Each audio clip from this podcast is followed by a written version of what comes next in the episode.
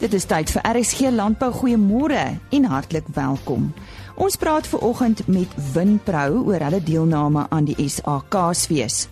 Ons praat verder oor die truksvy as veevoer, praat oor avokados en praat met die wenner en sy plaaswerker van die Merino Classic.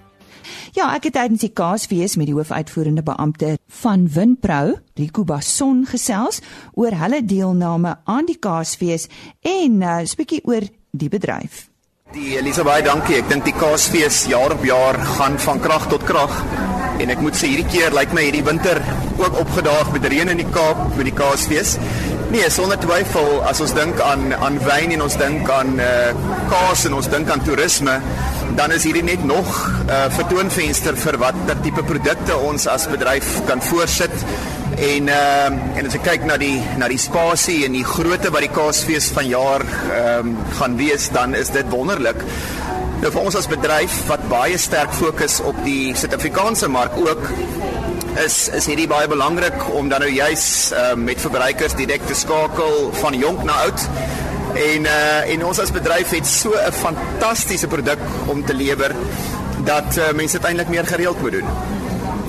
Dink jy die produsent wat hier uitstal het dalk tweede gedagtes gekry om vanjaar hier te wees? Ehm um, as ons kyk na die omstandighede met die droogte in Swaan. Ja, ek dink mens mens moet dit oor en oor sê vanjaar was was werklik die mees uitdagendste oes En as ons praat van oes dan het ons omtrent 'n week terug eers klaar gemaak met die bedryf se insamel van die oes. Nee, sonder twyfel is daar geweldige uitdagings ook finansiëel. Ons sal nou die oeskatting ehm um, bekend maak so oor die volgende 2 weke. Maar maar sekere streke, veral die Olifantsrivier en en hier in die in die Swartland area waar waar daar nie besproeiing is nie, is uh, geweldig ver af jaar op jaar. Ons praat van meer as 30%. Maar ehm um, die Engelsman praat van resilient. Ek sê altyd uh, die woord is waarskynlik aanpasbaar en uh en en en ons produsente het die wonderlike vermoë om om hierdie uitdagings te oorkom. Ehm um, maar in terme van van wyn, ehm um, gelukkig kan ek sê die rooiwyne is waarskynlik verlede jaar se rooiwyne, so ons kon hulle wegbêre en selfs die witwyne, so as dit gaan oor oor te min of te veel, dan uh nee, dan is ons hier en ek dink dink dit spreek ook van fokus. Ehm um, jy weet mense besef nie altyd nie ons ons verkoop ehm um, 850 miljoen liter wyn waarvan die helfte 400 miljoen liter in die Suid-Afrikaanse mark is. So hoewel ons baie praat oor uitvoere en hoe belangrik dit is, is die plaaslike mark verskriklik belangrik. En en is ons bly om te kan sê dit groei tans in volume en in waarde. Ehm um, en as jy dink aan wyn, Wyn is relatief klein in Suid-Afrika. Wyn is minder as 10% van die alkohol. Ehm um, maar dit is 'n produk wat gesertifiseer is, wat met kwaliteit gemaak is, wat met 'n kuns gemaak is, wil ek sê en ek dink dis fantasties. Ons praat 'n bietjie oor Winpro se uh, uh verhouding met Agri Expo. Julle is baie betrokke by dit wat hulle probeer doen in die Wes-Kaap en en landwyd. Ja, ek dink Agri Expo um, is met soveel landbouverwante goed betrokke en as ek dink aan Agri Expo, dink ek altyd aan beeld. Ehm um, want ek dink hulle skep juis vir landbou daai vertoonvenster en dit strek van die jeug en wat hulle daar doen tot ehm um, tot perde en wyn tussenin. So ons het baie dieselfde rol. Ehm um, as as bedryf ons as Winpro is betrokke by plaaswerker opleiding, by grondhervorming ehm um, by die tegniese navorsingskant, jy weet as jy dink aan waar kom 'n wingerdstok vandaan, dan is die antwoord dit kom uit die ons kwekerye uit. Ehm um, waar ons materiaal invoer, ons maak dit skoon, ons maak dit deesdae droogtebestand en dan al die pad deur tot tot by die verbruiker waar ons vandag ook dan nou sit. En uh en daarom is dit wat Agri Expo doen en dit wat die Kaasfees in die verband doen is verskriklik belangrik om partye bymekaar te bring. Die hoofuitvoerende beampte van Winpro, Rico Basson, hulle maak ook vandag hulle oeskattingssyfers bekend en ons sal later 'n onderhoud hieroor uitsaai. Ons eh, hoor nou verder van professor H. Oudewaal. Hy is van die departement veewild en weidingskunde aan die Universiteit van die Vrystaat. Hy praat verder oor die truksvy as veevoer. Boere koop voer by 'n fabriek wat onder die Wet 36 van 1947 vervaardig is. Met ander woorde, die voer voldoen aan sekere vereistes wat deur die registrateur bepaal word. Min boere wat ek teëgekom het, vra vir jou is daar nou mielies en is daar lucerne en is daar koring is dit daar wat ook al in die voer. Hy koop 'n voer wat 'n sekere minimum proteïen, uh kalsium, fosfor ensovoorts het. En ons as voedingskundiges moet sorg dat dit beskikbaar is vir die dier. Die boer vra nie wat in hom ingaan nie. Dit is 'n ding wat ons uitklaar met die registrateur. So die boer gaan in die, in die in die in die uh, koöperasie net koop 16 uh, 13% proteïen of wat ook al die geval is. En as jy gaan kyk na die voer, dit lyk net soos enige ander voer. Nou ons beoog op hierdie stadium nie om te korrel nie, met ander woorde die voer uh te korrel nie, maar eintlik as 'n mens in die fabriek ingaan en jy wil die voer beter aanwend, dan sal die losmaak waarskynlik verander met word uiteindelik in die korrel. Met ander woorde jy maal hom nog fyner.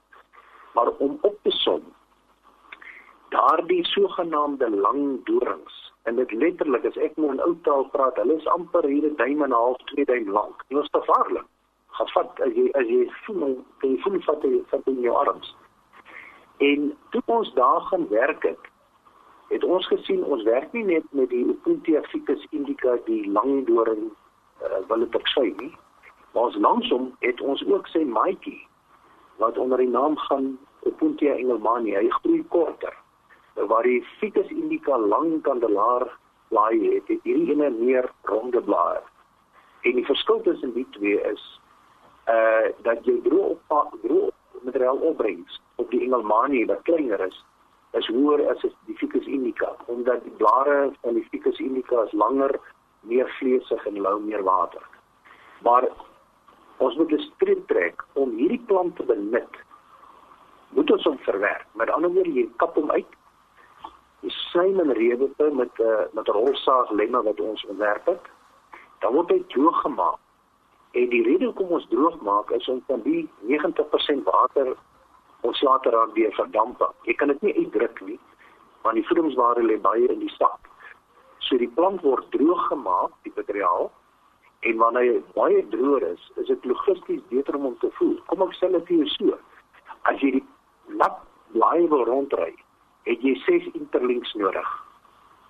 As jy hom droog gemaak het, het jy omtrent 7 uh, uh, uh, jy jy het 6 na 7 nodig om die vars blaaie te ry. As hulle droog gemaak is, kerf en droog gemaak het, is jy het jy een link nodig. So jou jou vervoerkoste is baie beter.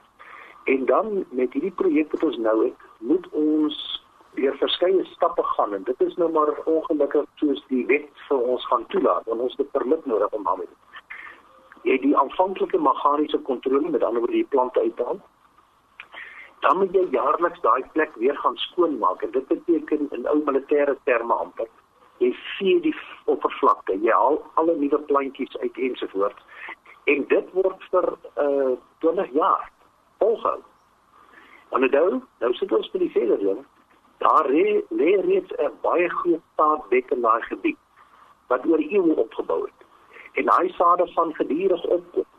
So ek dink nie ons moet sê as ons die eerste keer meganies ingegaan het, kan ons die die die, die proses verby nie. Hierdie ding gaan op 'n laer vlak moet daar nasorg wees om die veld skoon te hou. As ons nie iewers te begin nie, gaan ons nie werklik eh uh, gaan ons onsself uh, uh, nou verkwalik laat. Toe ons begin het met die projek, het ek in kollegas gaan sit en sommetjies maak. Nou papier is baie geduldig. Ons werk aan die onderkant van die skaal.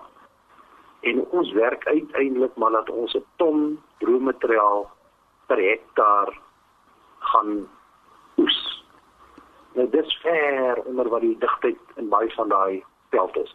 Hoe digter hy is, hoe ekonomies meer uh uh volhoubaar is die projek.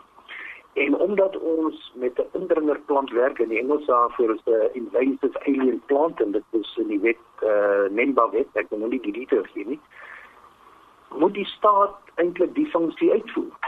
Nou biologiese beheer het reeds ver gevorder, maar blykbaar is by vordering nou baie stadig. Met ander woorde, daar word nie meer hou eintlik net die situasie vas soos hy nou is.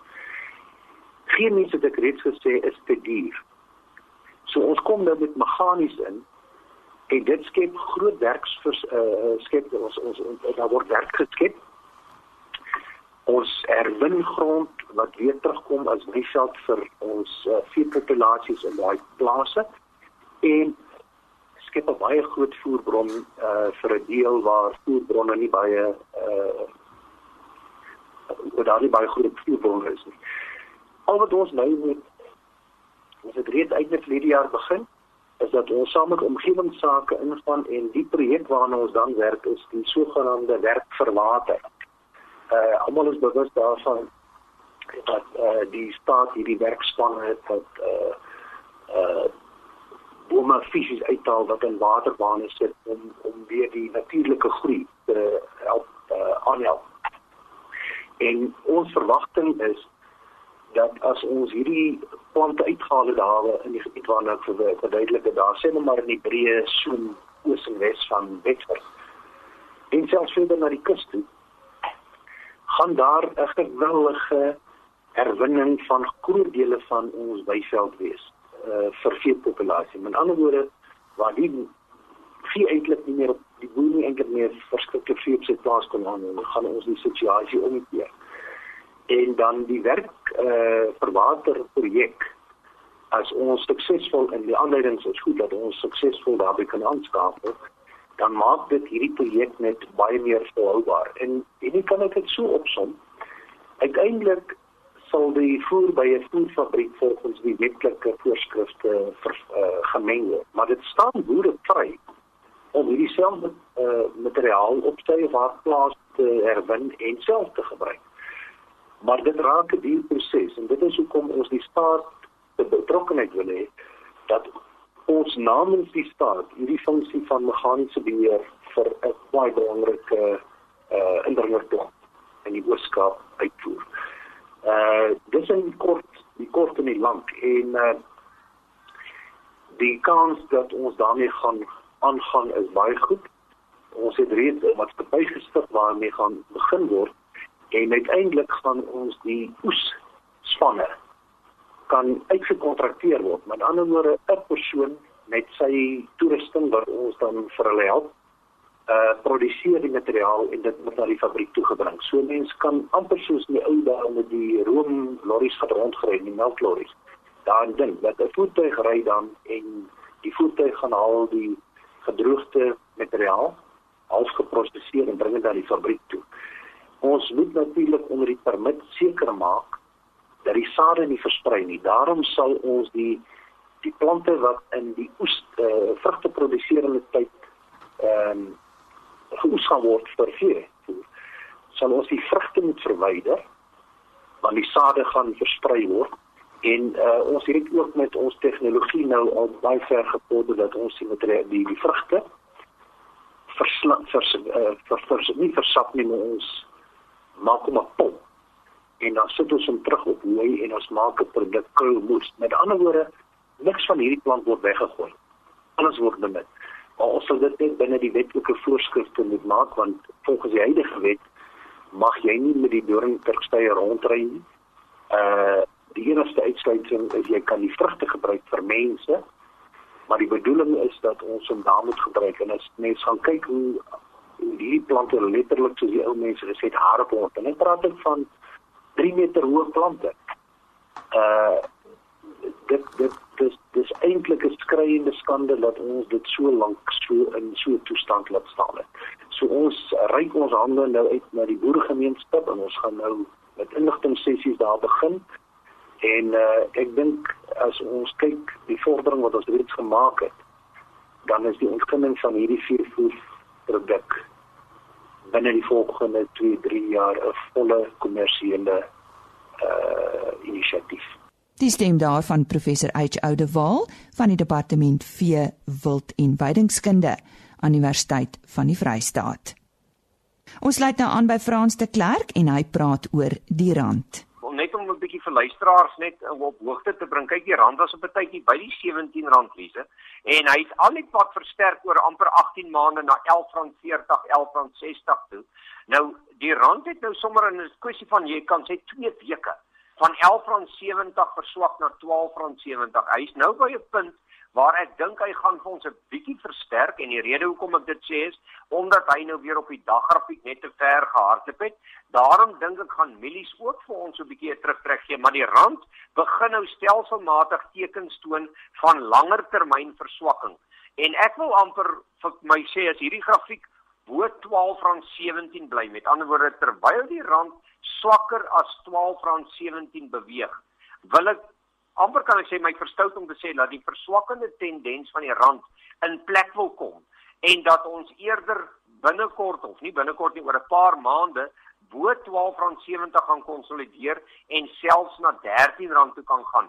So die vlak om dop te hou is R12.17. So as hy terugkom soontoe en jy wil 'n bietjie mielies koop of ander sagte kommoditeite koop, is die tyd om te te koop. En as jy dink die rand het nou te ver gehardloop en jy skoei jou jou projeksie suiwer net op 'n swakker rand, dan is dit dalk tyd om van daai winsies nou vas te sluit. En dit was dan Frans de Klerk. 'n E-posadres is fdk@telkomsa.net. Die avokado seisoen het uh, reeds afgeskop en verbruikers kan moontlik binnekort beter pryse verwag vir hierdie gewilde vrug. Nou ek gesels nou met Erik Duncan van Subtrop en hy praat met ons onder andere hieroor en ons hoor ook meer van 'n opwindende nuwe verwikkeling in hierdie bedryf. Nou uh Derek, die eerste Avo ambassadeurskompetisie is verlede jaar bekend gestel. Vertel ons bietjie hiervan. Elise, ja, dit is 'n kompetisie wat ons ehm um, geloods het as deel van ons lokale markpromosies om skrywers en ander mense in die media aan te moedig om oor avokados te praat en te skryf. So dis meer 'n uh, ding van promosie en laat almal opgewonde kan raak oor avokados. En uh, vertel ons bietjie van die wenner en wat het hierdie persoon gewen? Ons het twee wenners aangestel. Uh die een was Amy Hopkins van Women's Health en die ander een is Sam Linsel en sy's 'n uh, wat ons 'n uh, food stylist noem, 'n fotograaf en ook 'n resepontwikkelaar. En hulle al twee het 'n trip gewen na die restaurant in Amsterdam met die naam Avocado Show. En dis 'n spesifieke avocado restaurant en elke gereg op die spyskaart het avocado in. Ja, klink opwindend. Gaan julle dit nou elke jaar aanbied? Wel ja, ons gaan volgende jaar of nee, skus, uh, hierdie jaar 2018 gaan ons dit weer doen, ja. Verbruikers kla nou gereeld dat avokadopryse buitensporig duur raak. Derrick, wat is die redes hiervoor? Dit is waar dat die die vrug duur geraak het. Ehm um, die rede daarvoor is dat daar ontsettende groot vraag is vir die vrug en ook dat ons verlede jaar 'n klein oes gehad het. Ehm um, Hierdie jaar se oes is natuurlik baie groter as wat ek seker baie mense al gesien het. Daar's baie avokados beskikbaar en die pryse het dan bietjie afgekom. Maar ons net um, in ag neem dat al kos 'n avokado R10 vir 'n vrug, is dit nog steeds baie goeie waarde as mense dit vergelyk byvoorbeeld met ehm, 'n um, sjokoladestafie wat wat soveel kos. Dis 'n goeie vergelyking. Dan hoor ek daar was onlangs uh, berigte dat diefstal van avokados in sekere provinsies was. Wat het gebeur? Wel, um, met die hoë waarde van die vrug is dit dan ook 'n um, aansporing vir diewe om die die vrugte te steel en dit het 'n groter en groter probleem geraak. Ehm um, uh, dis nie net uh, mense wat instap in 'n boord en 'n paar vrugte pluk nie dis ook um, mense wat wat vragmotors en bakkies inry en en die hele oes afblik. En uh, dit is 'n groot probleem. Ons het 'n uh, uh, opname gedoen onder ons boere en ons skat dat die waarde so 24 miljoen rand per jaar is wat heiliglik heiliglik gesteel word. So dit is 'n groot probleem en um, boere het uh, maatreëls in plek gesit, maar dit bly nog steeds 'n probleem by ons bedryf en dit het ook 'n negatiewe aan ehm um, invloed op ehm um, op 'n dien, in diensneming van mense en die uitbreiding van van avokado plase want uh, niemand wil boer as alles afgesteel word nie. Ja nee, ek kan so glo. Derrick, hoe vergelyk avokado produksie in Suid-Afrika met die res van die wêreld? Ons is 'n redelike groot ehm um, produsent van avokados as ons kyk na die uitvoermark in Europa spesifiek. Suid-Afrika verskaf so 13% van die avokados wat jaarliks in Europa geëet word. So dit is 'n redelike groot aantal um, tonne wat soontoe gaan. Hierdie jaar gaan dit om 'n omgewing van 70 000 ton wees wat Europa toe uitgevoer gaan word. As ons nou na die globale avokado mark kyk, watse tendense neem julle waar?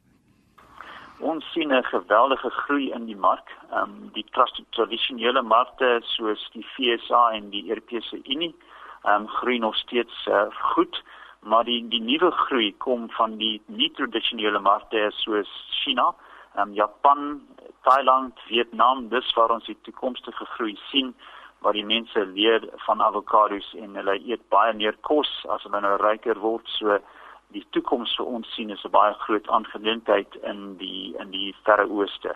Terug uh, by die huis, uh, watter uitdagings sukkel die bedryf op hierdie stadium?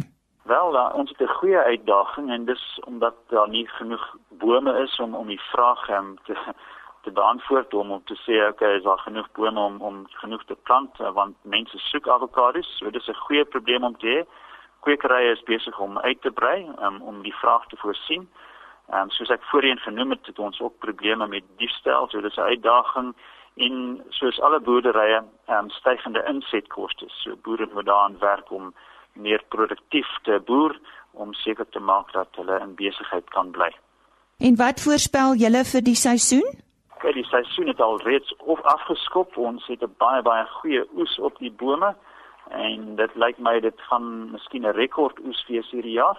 So dis baie goed vir beide die boere en vir almal wat avokados liefhet en so baie eet. Goeie nuus vir ieder en elk en dit was dan die hoofuitvoerende beampte van Subtrop, Dirk Duncan. Ons medewerker in die Oos-Kaap, Karen Venter, is volgende aan die woord. Sy het met die wenner van die Merino Classic gesels. Ek gesels vanoggend met Rilo van Heerden van die plaas Onderste Tuin En daar is 'n oulike storie agter die naam wat hy vir ons luisteraars gaan vertel. Hy was die wenner van die Merino Classic. Meeste punte. En soos hy nou vir my sê, hy het die meeste punte gemaak, maar dit beteken jy is die wenner. En dit was op Riversdal 17 en 18 Maart gewees en ons het nou hier op sy plaas kom kuier om 'n bietjie meer uit te vind wie is die boer. Uh ek is Rolou van Heerden van die plaas Onderste Tuin Mariesburg.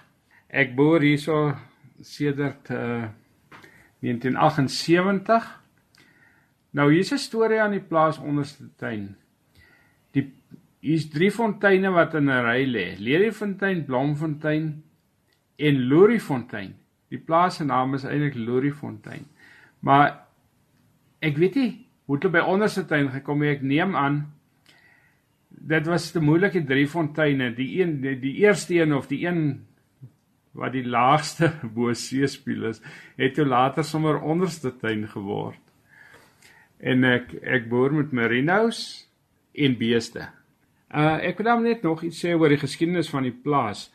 Ehm um, die voortrekkers het hier aan die Kamdebo gekom in 1744 en uh die eerste van Herden het hier hier op Loriefontein of dan onderste tuin nou is 'n uh, leningsplaas ontvang van Ryktelbag in 1779. En in 1787 het dit verander na 'n erfpagplaas toe. En ek is die 8ste geslag van Herden op dieselfde grond en my een seun wat wil kom boer sal dan die 9de geslag op hierdie plaas wees. Sy naam is Fani, hy is die jongste een. Hy is op die oomblik besig met sy meestersgraad in grondkunde aan die Universiteit van Stellenbosch. En sodra hy klaar is, dan gaan hy plaas toe kom. Om terug te kom eh, nou na die Merino Classic toe. Dit het eintlik 'n lang geskiedenis vir vir my as persoon. Ek het be, begin perde skou of die eerste keer wat ek 'n perd op skou gery het, toe was ek 3 jaar oud. En eers boerperde geskou en so van graad 5 af met Amerikaanse saalperde begin, verskeie kampioene geteel en na universiteit het ek het die die perde ding te professioneel geraak en ek het ek het my perde verkoop. En omdat ek so lief was vir skou, ek sal sê die skou is in die van Herden se bloed. Het uh ek dink maar hoekom skou ek nie skaap nie? Die skaap is dan nie so. My oupa het geskou, my pa het geskou. Die stoet kom van 1932 af. En toe het ek na die skaap begin kyk en en en ons het eers daai jare het ons die opgepaste skou gehad dis die Suid-Afrikaanse kampioenskappe genoem. Die Classic is eintlik net 'n nuwe naam vir die Suid-Afrikaanse Merino kampioenskappe. En toe het ek begin skaap oppas en geskou en dit al beter gegaan. Maar later het die vertoners minder geword en dit het, het so duur geword om 'n skaap at, at lip te voer ten minste vir 'n jaar lank. Laat daar 'n konsep hier in die Karoo ontstaan het en tussen verskillende klein skoutjies laat ons besluit het hoekom skou ons dit nie die skaap direk van die veld af nie sonder om hulle op te pas sonder om hulle die reën te hou maksimaal te voer en soos die mense sê hulle reg te skeer. En so het die ding begin en later het het ons geskou veldskou en opgepaste skou en toe die opgepaste skou nou stop toe gaan ons aan die veldskou. So deesdae is die Suid-Afrikaanse Merino Classic net die Suid-Afrikaanse kampioenskappe vir veldskape. En jy kry baie meer skaap, jy kry party skoue in die Karoo. Ek praat nie eers van die classic nie. Het oor die 400 skaap op hulle skou met amper 30 vertoners. En en so dit is nou maar soos dit is. Ek neem ek neem deel in die classic omdat dis basies jy meet jou skaap visueel teen ander teelers. Jy sien of jy op die regte pad is of jy regte teelbeleid volg en dis ook vir jou advertensie as jy goed doen op op op op, op 'n classic. Na soos vir jaar toe ek so goed gedoen het, ek het nie eers 'n ram oor om te verkoop, ek het eintlik te min ramme om te verkoop. Dis wat advertensie vir jou doen. Mense sukkel in die begin, my pa het gesê jy moet altyd leer verloor voor jy kan wen. En nou die afgelope 3 jaar uh, in 2016 het ek 7 kampioene gehad. In 2017 het ek 10 kampioene gehad en nou in 2018 het ek van die 30 klasse wat elkeen 'n kampioenskap op sy is 10 gewen en van die spesiale klasse wat 8 was het ek 6 gewen. So ek het 16 kampioene gehad. Nou okay, dit dit iets wat nie elke jaar gebeur nie en dit is ook iets wat sommer weer sal gebeur nie, maar ek is baie trots op myself, my kinders wat my help en my werkers wat vir my baie belangrik is. Hulle sonder hulle sal ek dit nie reg gekry het nie. As iemand my wil kontak of iets wil vra oor die merino skaap, dan uh, kan hy my kontak op my landlyn. Dis 049 853 9940 of op my selfoon 082 4133 929 en ek het 'n e-posadres dis hannelies@wam www.merino.co.za of hulle kan die Merino SA kantoor kontak en vir die bestuurder vra hoe hulle by my kan uitkom. En dit was die stem van Rolo van Heerden. Hy was die wenner van die Merino Classic en Karen Venter het met hom gesels. Môreoggend op RSG Landbou praat ons met een van die plaaswerkers, Okkie Galant, oor sy tyd op die plaas en blykbaar wil hy glad nie aftree nie. So onthou om in te skakel vir daardie storie. Ons kuier weer môreoggend. Totsiens. RSG Landbou is 'n produksie van Plaas Media. Produksieregisseur Henny Maas. Aanbieding Lisa Roberts. En inhoudskoördineerder Jolandi Root.